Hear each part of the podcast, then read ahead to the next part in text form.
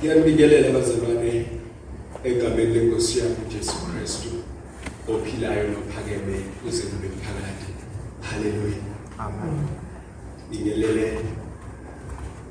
eh umkhandlu okhona phakathi kwethu abazalwane bonke abakhona badala abasha abancane egameni lika Jesu Kristu inkosi yethu amen eh asithatheni amabhayibheli ethu sivule uMahubo 16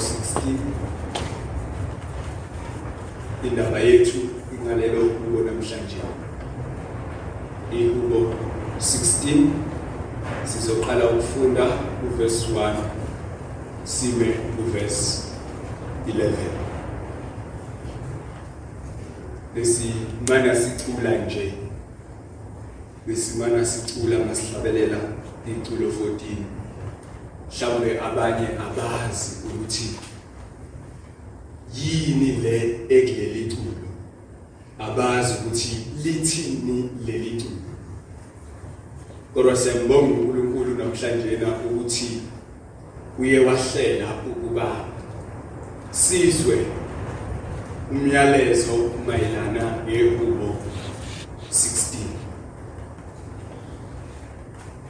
akusilo nje iculo nje kuphela kodwa izwi likaNkulunkulu leli haleluya kufundeka kanjena ke egameni lika Jesu ngilondoloze uNkulunkulu ngokuba ngiyaphephela kuwe.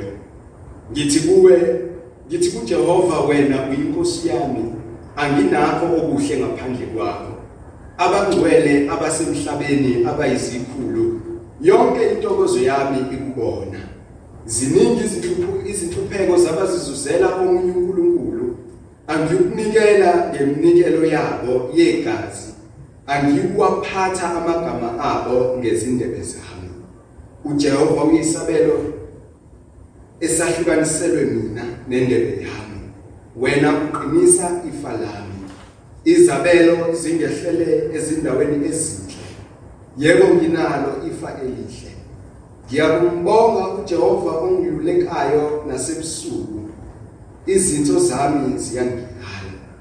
Ngimbeke uJehova phambi njalo phambi kwami ngokuba kungakwesokunene sami. Angiyukuzanyazanyiswa. Ngakho ke inhliziyo yami iyajabula nomphefumulo wami uyethaba nenyama yami iyahlala ngokwethemba ngokuba uyikunikela umphefumulo wami endaweni yabafileyo awuyukuvuma ukuba ongcwele wakho abone ukubola uyamngazisa indlela yokuphila. Ugcwala benjabulo kusebusweni bakho. Intokozo isesandleni sakho sokunene kuze kube phakade. Amen. Baba izwi lakho leli namandla liyaphila efumulelwe nguwe. Khuluma ngalo lithina namhlanje nasiqondiswe siyalwe ngoKristu Jesu inkosi yethu amen ngilondoloze uNkulunkulu Davide mebala leli hubo uyakhuleka. Iculo elumkhuleko uyakhuleka. Uthi ngilondoloze uNkulunkulu ngisindise uNkulunkulu ngisize Jehova. Ngilamulele ngikhona. Kunengozi ezayo. Haleluya umbhali waleli hubo uzibona engathi usenkingeni. Umbhali waleli hubo uzibona engazuthi kunenkinga kodwa uma ufunda leli hubo ingathi akayisho inkinga yakhe. Mhlawumbe sizoyithola masiqhubeka nayo. Kodwa mayiqala indaba yakhe uthi ngilondoloze Jehova ngilondoloze uNkulunkulu ngokuba ngiyaphephela kuwe uyabona? Lo muntu lona unesicelo kuNkulunkulu kodwa isicelo sakhe ngaphambi kokuthi asisho ukuba siyini uqala ukukhumbuza uNkulunkulu ukuthi uyini ke haleluya Amen. nikhona bazalwane Amen. ngisindise uNkulunkulu ngokuba kuwena ngiyaphephela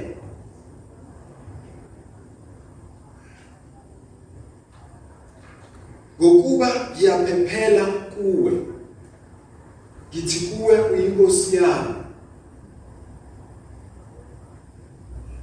bazalwane enye indlela le yokukhuleka engajwayelekile. Ngoba uma sikhuleka sikhuleka sibike inkinga yethu. Ngasekuqaleni nje masiqala Nkosi yami nginenkinga. U1 2 3 4 5 6 7 8 9 10 11 kodwa lo mbhali ufuna ukukhumbuza uNkulunkulu esezulwini ukuthi yena umbuka njengalobani haleluya. Ngikhulule noma ngilondoloze uNkulunkulu ngokuba ngiyaphephela kuwena. Ngithi kuJehova wena uyinkosi yami anginakho okuhle ngaphandle kwakho. Unesicelo kodwa uyakhumbula ukuthi lo muntu mkhulu and uyadinga ukwazi lokho.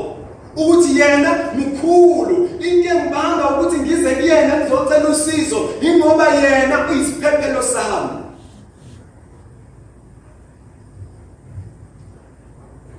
Ngilondoloze for in you I take refuge ngokuba kuwena ngiyaqasha ngokuba kuwena ngiphephile ngithi kuJehova wena uyinkosi yami. Anginakho okuhle ngaphandle kwakho mhlambe uma ngaphambi kokuthi singene verse by verse lelihubo sibuke ukuthi uma usulifunde lonke liyasikhumbuza ukuthi kahlehle uNkulunkulu kuthina. Uyindawo yethu yokucasha. uNkulunkulu uyigugu lethu. Futhi ungumluleki wethu kanti futhi eh uyabusa kwaphakade kuze kube phakade. Ilesi ndisifundiso esivezwa kuleli hubo uma ungakhela phezulu.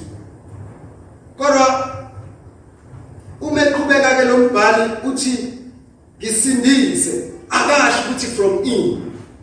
And uthi ngobani? Wena uyisiphephelo sami. Ngamanye amazwi uNkulunkulu I am helpless without you. Ngamanye amazwi uNkulunkulu anginalo usizo kwenye indawo. Ngamanye amazwi mangishayeka namhlanje na ngikwazi ukubuya ngizokhala kuwe. Angikwazi ukuyokhala kumi ngoba kuwena ila ngiphephela khona. Angikwazi ukuya kwenye indawo ngoba ithemba lami lonke likuwena ngakho ngisindise uNkulunkulu ngoba ngiyaphephela kuwena 1 2 kwinkosi yami. Haleluya ilo mhlabelelo bese umhlabelela manje ukuthi singasuka phi mashoni masingasuka kuwe ngoba amazwi okuphila atholakala kuwe ngathi lo mbhalo waleli kuleso simo esinjalo sokubuka ukuthi Nkosi yami ngingabuye ngiyithole phenye inkosi enganginakekela uwazi kangcono uDavid ukuthi yini umsebenzi wenkosi wazi kangcono uDavid ukuthi inkosi yenzani benzelani abantu bayo usethi ke ngithi kuwe Jehova uyinkosi yami akasho nje ukuthi wena uyinkosi yami erifera nje kwichief ekhona emhlabeni appointiwe noma etholile isikhundla ngenxa yokuthi izalwe ebukhosini no uzobona amagama asebenziswayo ukuthi ukhuluma ngoJehova aphinde athi Adonai uma uphethe itranslation esondele kwisihebheru uthi ngithi kuwe elesingisi lithi I say to my Lord God, you are my God. Uthi ke ngoba kuwena ngiyaphephela futhi wena wena uyinkosi yami. Ngakho ngisindise kule nkinga. Sizoyibona le nkinga uDavid akhuluma ngayo mase sifika ngasekugcineni. Ngithi kuwe wena uyinkosi yami anginakho okuhle ngaphandle kwakho. Haleluya. Ngiyambona yini umzalwane ohambule? Ngiyambona yini umzalwane obuka impilo yakhe azibuke zonke izinto zikhona. Akubebuka abanye ngaphandle ababuke benabo bonke abafuna ukuba nabo. Kodwa yena abuka athi no kuyizeleze lokhuyana. Mina nginako okuhle okuphathekayo ngaphandle kukaNkuluNkulu. Mengasuka kimi uNkulunkulu lingavela ihlazo lami. Mengasuka uNkulunkulu noma nganayo inzebo yomhlaba kodwa ngingaba umuntu oze.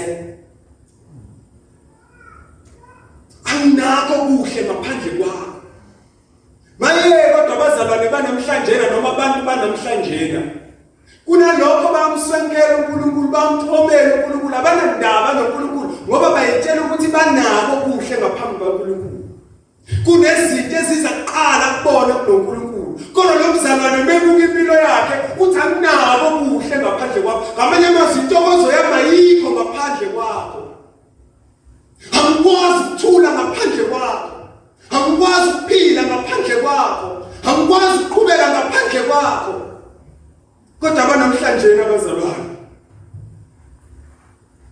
bambanga baconfessa lokho yonke into abayenzayo bazibonga bona bathola ukuthi amandla abo kodwa lo mzalwane uthi no buka impilo yakhe uthi cha cha akukho kuhle ngamanye amazwi ubani umbhala lelizwi bazalwane inkosi uDavide uhleli esigodlweni uyazi ukuthi ngilana nje esigodlweni akusiwo amandlami akusiko ukuthi ngizalwe ebukhosini kodwa ngiappointwe uNkulunkulu and futhi uNkulunkulu mengangishiya mhlambe ngahlala kulesigodlo ngihlale kodwa siyobe singenalo udumo olufanele ngoba uNkulunkulu akasekho sizwana yini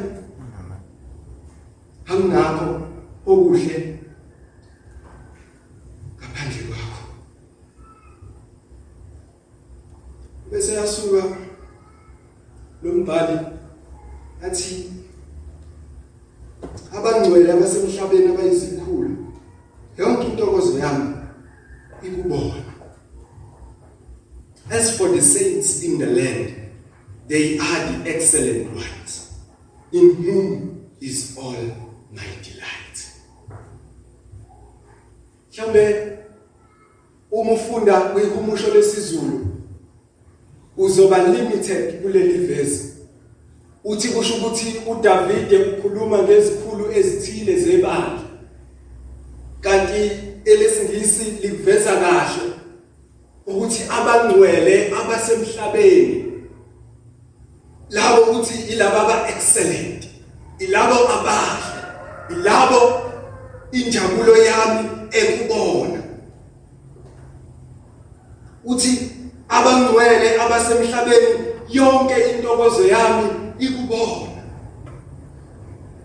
Uma uzwa le confession uma uzwa lokukhuluma kwale nceku ngikhumbula mina kulesi sikhathi ukuthi ukhulumisa okwabantu akade bengasakwazi ukuhlala emakhaya. Ukhulumisa okwabantu akade bevalelekile abantu akade bengakwazi ukuphonza akade befisa bethi siyofika nini size sibonakale simi phambi kwakho Jerusalema wena muzi ongcwele.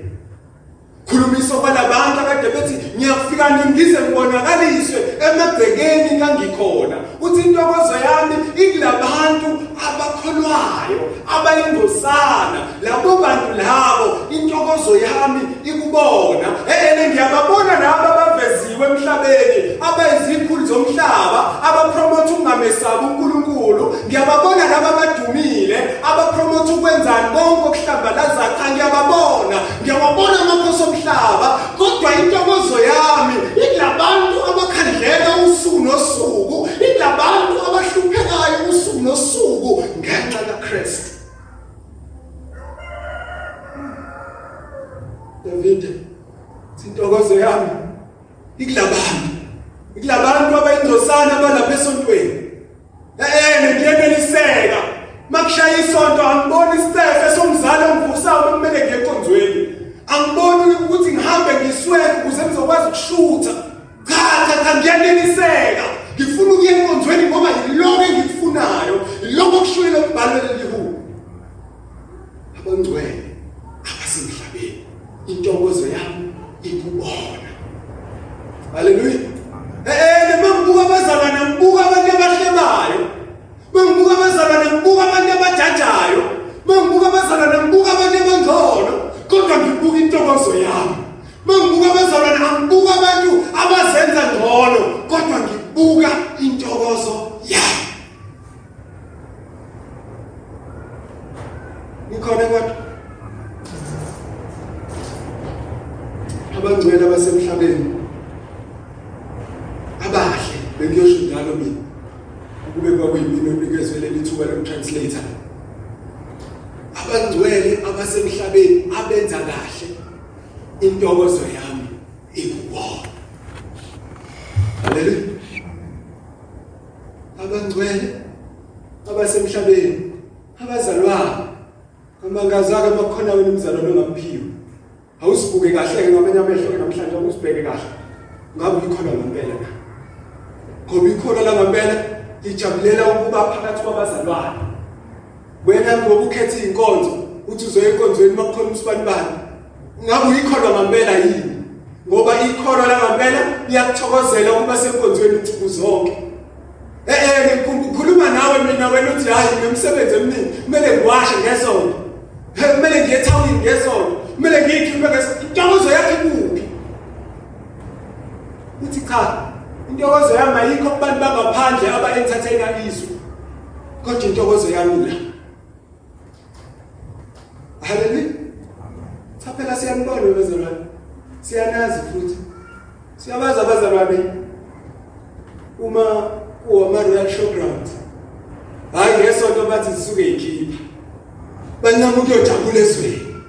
Haleluya bancama ukushiya izindlu zamasonto ziyi-empty bahambe bayozi-entertain bahambe eh ukuthi lo mbhali angijathuliswe i-showground. Angijathuliswe ibhola engizodlala ngo-12 emini. No! Kodwa intokozo yami ikulaba bantu ngifuna ukuzibona sengiphakathi kwabo sesifuka amahume ndumiso sesihlabelele zasekhaya simkhonza ungikhona engathi siyambona intokozo yami ikubona yazi ukuthi uDecember 16 liyazi Ngoba bevele emawindini amakhulu. Hey hey hey abazalwane. Akithi injabulo yabo ingaphandle. Basibiza abazalwane kwa. Injabulo ingaphandle.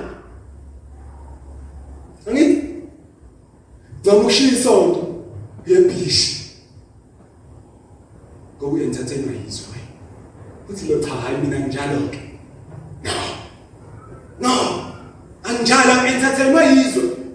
Kodwa entertainment yami fullness of joy ngithola lapha endlini yakhe asho njalo ngelinye ilanga bebala athi kunenjabulo epheleleyo endlini kaNkulunkulu haleluya ngifuna makuphela leli hubo uzibuke emzalwane ukuthi uyilolu hlobo yini lomzalwane othola le njabulo endlini kaNkulunkulu othola le njabulo kwipresence yaNkulunkulu athi ziningi izinhlupheko zabazizuzela omunye uNkulunkulu angikunikela ngeminikelo yabo yegazi angikuwaphatha amagama abo ngezindebe zabo khumbula ukuthi uqale kanjani lebhali ihubo lakhe uthi ngilondoloze ngikhona ngokuba ngiyaphephela kuwe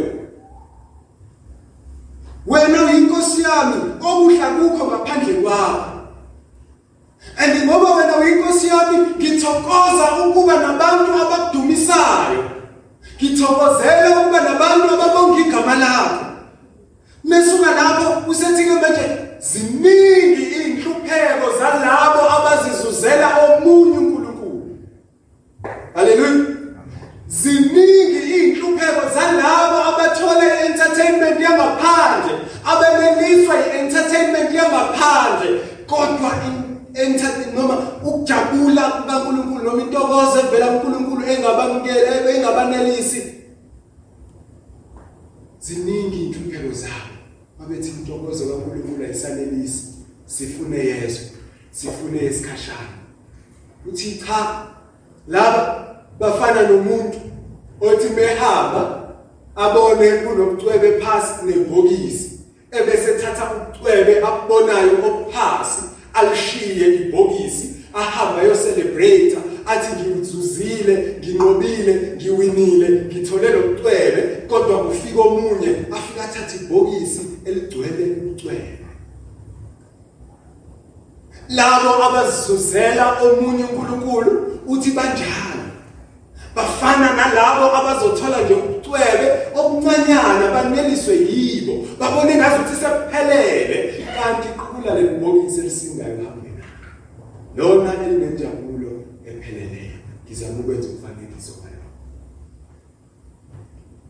uthi ke mina akithi ngithe mina ngifuna usibone wena ukuthi mawususuqeda masiqeda la ukuthi uhlobo lomzalwane. Uthi ke mina David angiyukuphatha nokuphatha iminikelo yabo yegazi.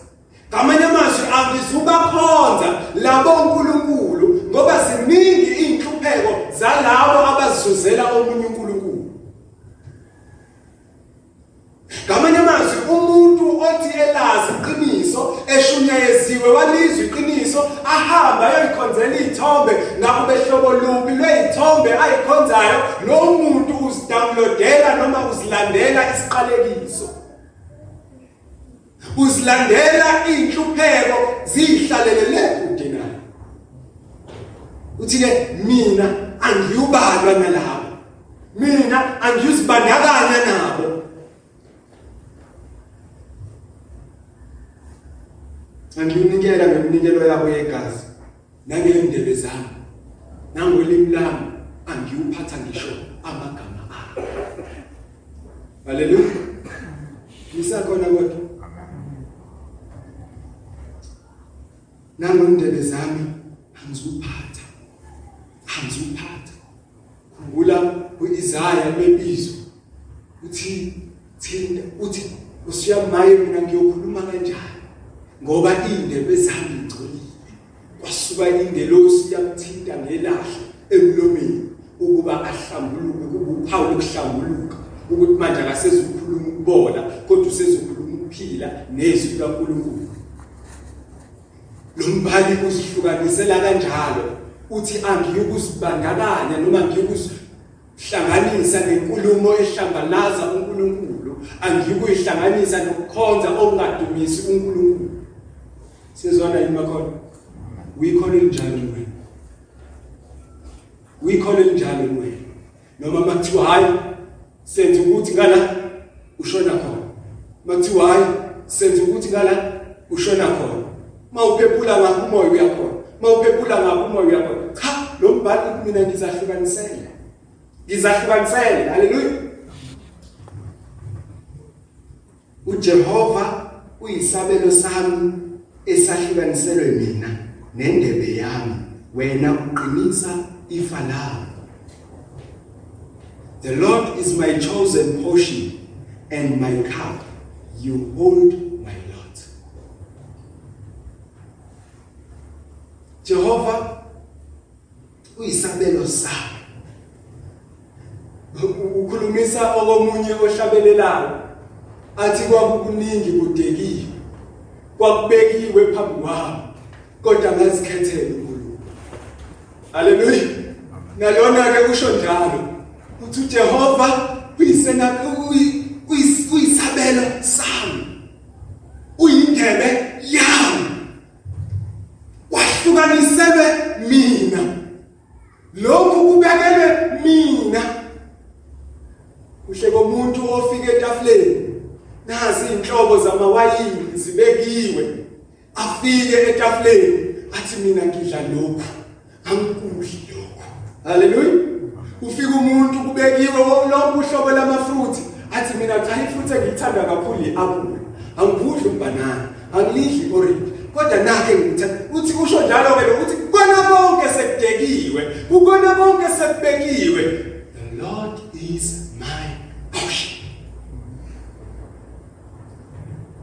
Jehova uyisabelo sami esahlukaniselwe mina.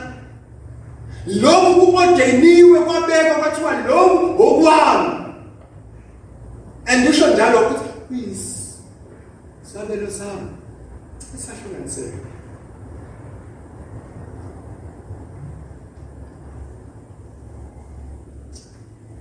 wena uqinisa ifa lakho isingisi ma translation la athanda ukushayana you hold my lot. Wesingisi ukukhuluma ngodlala idayisi ukuthi yini uyakhumbula na uma uJona ethunyiwe wabaleka wagibela umkhumbi? Bethunywe eNiniva wabalekwa eTarashish uma ususugcwala umkhumba amazi bathini laba bathi ayahlale asidlala inkatho? Ezamudla inkatho kuyobe uyena esivelelwe lobubi ngenxa yakhe. Haleluya. Inkatho lemabe iphosa yakhomba bani uJohn. So lona ke uthi ke uphethe inkatho yami lesizulu. Uphethe inkatho yami kusho ukuthini lokho na kusho ukuthi uphethe impilo yami uyena odecideayo ukuthi kwenzakalani ngempilo yami haleluya the lord is my chosen portion. Isabelo esahlukaniselwe mina.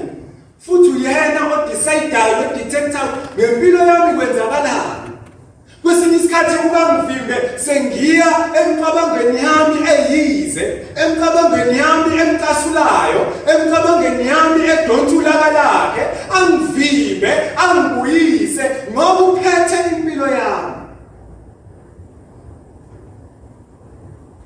Qinisa ifa lami. Wenza sure ukuthi lokhu engikuzuzele lokhu engikusindiselwe lokhu engisindiswe kubona angiphindeli kukona haleluya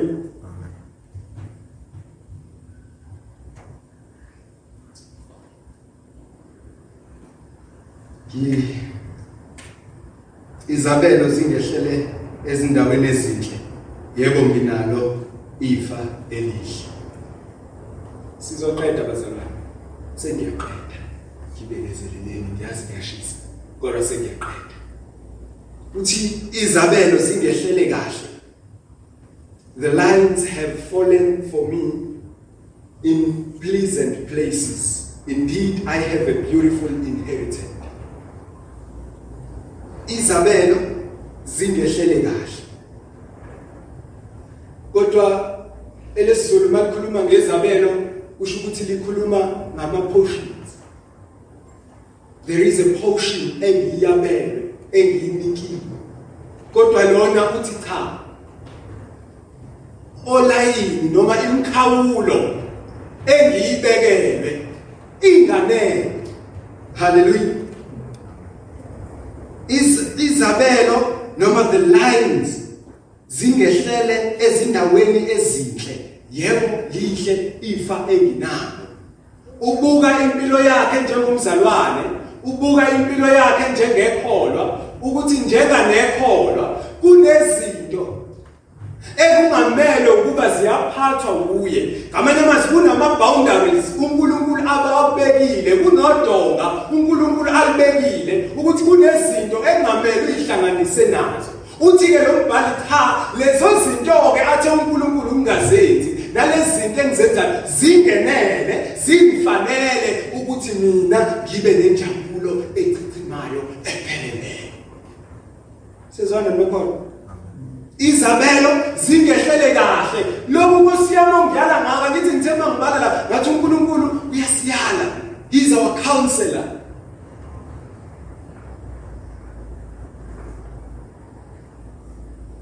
Uthi ke lokho kungehlele kahle futhi nginefa elihle. Ngamanye amazwi la ungibeke khona Nkosi angizisoli ukuthi ngumntwana kaNkulunkulu osindisiwe angizisoli usizisole kangaka wena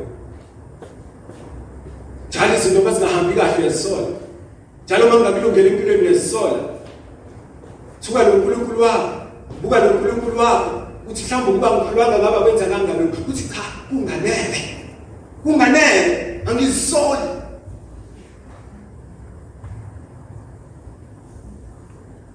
Ngiyakumbonga uJehova ongilulekayo. Nasebusuku izinto zami ziyangiyala. I bless the Lord who gives me counsel. In the night also my heart instructs me. Ngiyambonga uNkulunkulu wami ongiyalayo. Hallelujah. uyangiyala ngithi khulumile lokho bese masiveza thena uyindawo yethu yokuphephela uyinqaba yethu uligugu lethu. Lokhu okade sichaza manje ukuthi ufana nomuntu ozuze eh ibhokisi lonke mawunoNkulunkulu elinengcebo epheleleyo. Igugu lethu ingcebo yethu. Futhi eh uNkulunkulu wethu ungumaluleki wethu. Phezulu konke lokho uyabusa. Sesho njalo ke uyambonga uNkulunkulu ongiyalayo.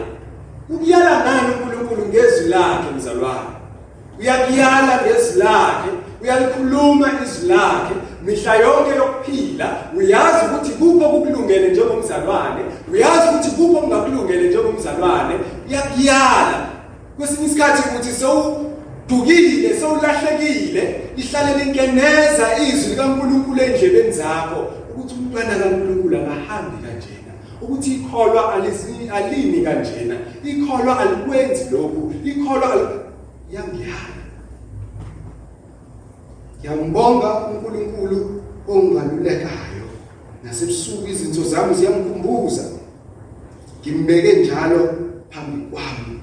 Ngokuba ungakwesokunene sami angiyukuzanyazanyiswa Sibuyela kule mkhuleko sekuqaleni. Ngisindise Nkosi yami. Ngilondoloze uNkulunkulu. Usethi ke manje angiyukuzanyazanyiswa ngoba ngimbeke njalo phambi kwami. Umkhuleko wakhe neexhortation yakhe seyimenze wabuye wakhumbula ukuthi man my God is powerful. uNkulunkulu wami unamandla onke uNkulunkulu wami uyabusa. Yebo ikhona le nkinga engibhekene nayo yokufa kodwa angikwazi ukufa. Angiyukuzanyazanyiswa angiyukwesaba ngoba uNkulunkulu wami uyithwala lami uyinsindiso yami uyisabelo sami. And uma uNkulunkulu mzalwane namhlanje eyilokhu empilweni yakho impela awukuzanyazanyiswa siyothi zenzeka izinto zikwehlalela inkinga kodwa awuzushayeka awuzulimazeka ngoba uyaqonda ukuthi uNkulunkulu uyini. uNkulunkulu sabelo sami ngimbeke njalo uJehova phambi kwami. Ngokubunga kwesokunene sami angiyukuzanyazanyiswa ngakho ke inhliziyo yami iyajabula nomphefumulo wami uyethaba nenyama yami iyahlala ngokwethaba ngokwethemba. Lo muntu ufika kuNkulunkulu uyakhala lo muntu ufika kuNkulunkulu ulimele emphefumulweni. Uyacabanga ukuthi kunokufa okuzayo engikidinga ukusinda ilokhu ekade ngikusho ukuthi David uthi ufuna ukusindiswa nje ukusindiswa kini from the coming death. Kulokufa okuzayo. Kulokufa okungunaphakade okuzayo. Uthi uDavid angifuni ukukubona. Angifuni ukwehlela endaweni yabafileyo kodwa ngifuna ukuhlala nawe. Ngifuna ukuhlala ekuthuleni kwakho. Ngifuna ukuhlala enjabulweni yakho. Ngifuna ukukhonza.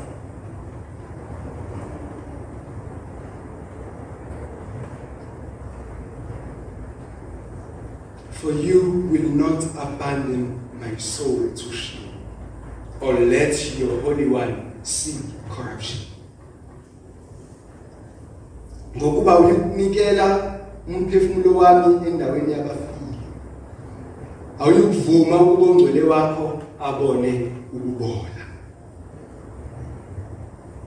Ngakho lokhu ukade kumkhalisa. Siyakhumbula uDavid ukuthi no no no. Ana uNkulunkulu wami angeke uzuvuma ongcwele wakho abone ukubola. Ana uNkulunkulu wami angeke umnikele endaweni yabafileyo. And uNkulunkulu kwenzile lokho. Wasinikeza uKristu Jesu a free ticket to heaven. Kade sixabene noNkulunkulu sifanele ukulahla ngenxa yezono zethu neziphambeko zethu kodwa wasinika uKristu Jesu ukube abe noma azuze ulaka likaNkulunkulu lonke libalelwe kuye ebese thina masikholwa yiloko sizuze ukuphila okungunaphakade kungazuthi kuphenduleka lo mthandazo kaDavide ukuthi ngisindise ngikhona and namhlanje kade fike ekhala uDavide kuNkulunkulu usewuqeda umthandazo wakhe nesimali awuyukuvuma ungcwele wakhe abone ukubona. Awuyukuvuma ungcwele wakho abone ukungcola. Awuyukumnikela endaweni yabafileyo. Kodwa uyakumsindisa ngakho kuyinduduzo yami. Nakho kuyithemba lami ukuthi wena ngoba uyinkosi yami ungunkulunkulu wami ungummaluleki wami ungunkulunkulu obusayo wasekuqaleni kuze kube phakade ayunikela ngomphefumulo wami ekufeni. Kodwa uyakumsindisa this my favorite son hubo lami lele ndumiso engilithanda kakhulu. Elichaza impilo yomzalwane ukuthi cha cha cha cha cha yebo ngiyalingeka yebo ngiyashayeka yebo izitha ziyangifuna but i have a refuge. Kukhona la ngikhosela khona kukhona la ngikwazi ukubika khona kukhona la ngikwazi ukukhala khona ngiqeda umthandazo wami sengihleka kade ngifike ngi-hopeless ngifike ngi-helpless. Uma ngifika kuNkulunkulu ifika ibuye induduzo yami epheleleyo. Ukuthi usanginqobela nalokho engidlula kuko mbona ke enjani uNkulunkulu wena mbona kanjani uNkulunkulu empilweni yakho Mumbona njengoDavide. Praise be to God. Kodwa mongamboni njengoDavide, awukumthatha umsondeze habe isabelo sakho esahlukaniselwe wena. Intokozo lokho avala ngakho. Uthi uyangazisa indlela yokuphila. Akithi umluleki uyangazisa indlela yokuphila you make known to me the path of life In your presence, there is fullness of joy. Uyangazisa indlela yokuphila. Indlela yokuphila yangaphandle esikhashana ukuthi umbhalo wengubo ngelinye ilanga hayi ifana nephupho nje. Kodwa le yaNkulunkulu inokujabula omguna phakade. There is fullness of joy in your presence. Vala ngenjabulo lentokozo isesandleni sakho kusukela manje kuze kube kuphakade ngamanye amazwi umsindisa manje ngisaphila aphinde angisindise nasekufeni okuzayo ngikhuluma ngoNkulunkulu wami uyena okwazi ukwenza lokho uyena ovikelayo uyena osindisayo uyena ongavumi unyawo lakho ukuba luhlelele uyena okulondayo ongavumi nokuthi kuthinte nolodwa unwele ekhanda lakho ukuba lungaphuthi nolodwa unwele wazi ngisho isibalo seyinwele ekhanda lakho wena leso ngasazi wazi konke ngawe ungikhona uhlale khona uqaphile impilo yakho uyayazi uqobo lwakho uyakwazi izinto zakho uyazazi uyakwazi ukuhamba kwakho and uthi uDavide lana uyakungazisa you will make known to me the path of life ngazisa indlela yokuphila Nkosiyami ngisafuna ukuhamba ngendlela yami Nkosiyami ngisafuna ukuhamba ngokuqotho kwami angisafuna ukwenza ngamandla ami angisafuna ukwenza ngeke ngibone ngathi kulungi kodwa Nkosiyami ngikhombise indlela efanele Yes abantu bengakhuluma kabi abantu bengangigxeka bethi ngikwenzile okubi lalela ngikwenzile vele kodwa Nkosiyami ngikhombise indlela yokuphila Nkosi yami ngikhombisa ukuthi umzalwane uhamba kanjani. Nkosi yami ngisindise kufeni okuzayo. Ukhona nosho njalo namhlanje ngisindise. Isindise. Isindise. Qeda umkhuleko wakho nawe nenjabulo. Njenganaleli yaculo ekade siliqala ukuthi lapho bayezwa abanye belibiza igama lakho ngongizwe nami. Hlalo somusa ngikusona nami. ngizwe Jesu ngiyakhala. Inhliziyo yami iyakufuna. Umphefumulo wami ukulambele. Ngifuna ukwazi ukuthi ngizohamba kanjani. Ngifuna ukwazi ukuthi kumele ngiphile kanjani. Kusiyami I can't do it in my own. Ngifuna usizo oluvela kuwe.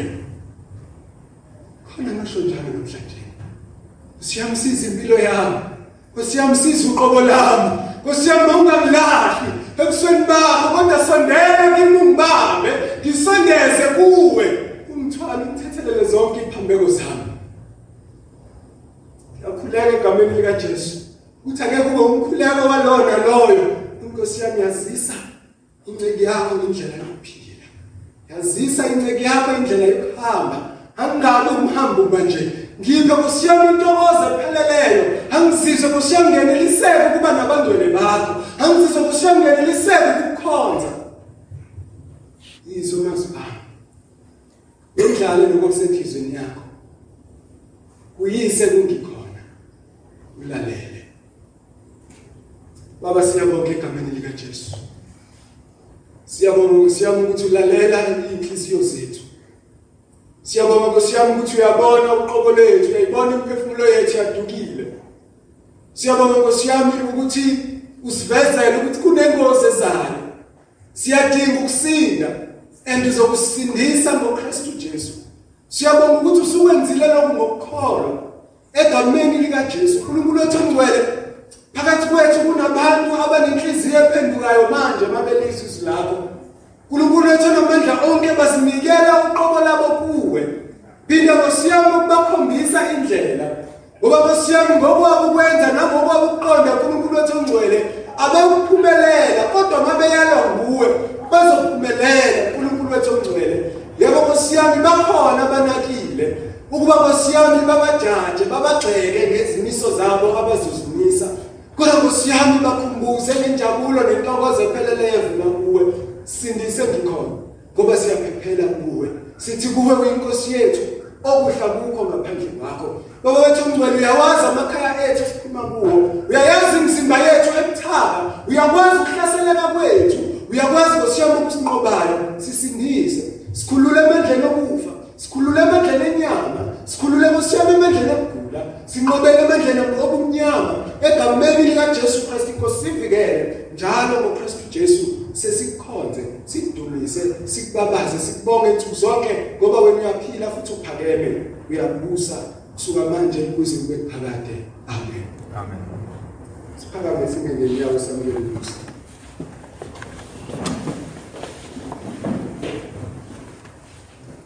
Musa wenkosi yethu Jesu Kristu uthando lwababa uNkulunkulu inhlanganyelo kwabongcwele makube nathi sonke kusigcine kusilondoloze azafika uJesu Kristu inkosi yethu amen Amen.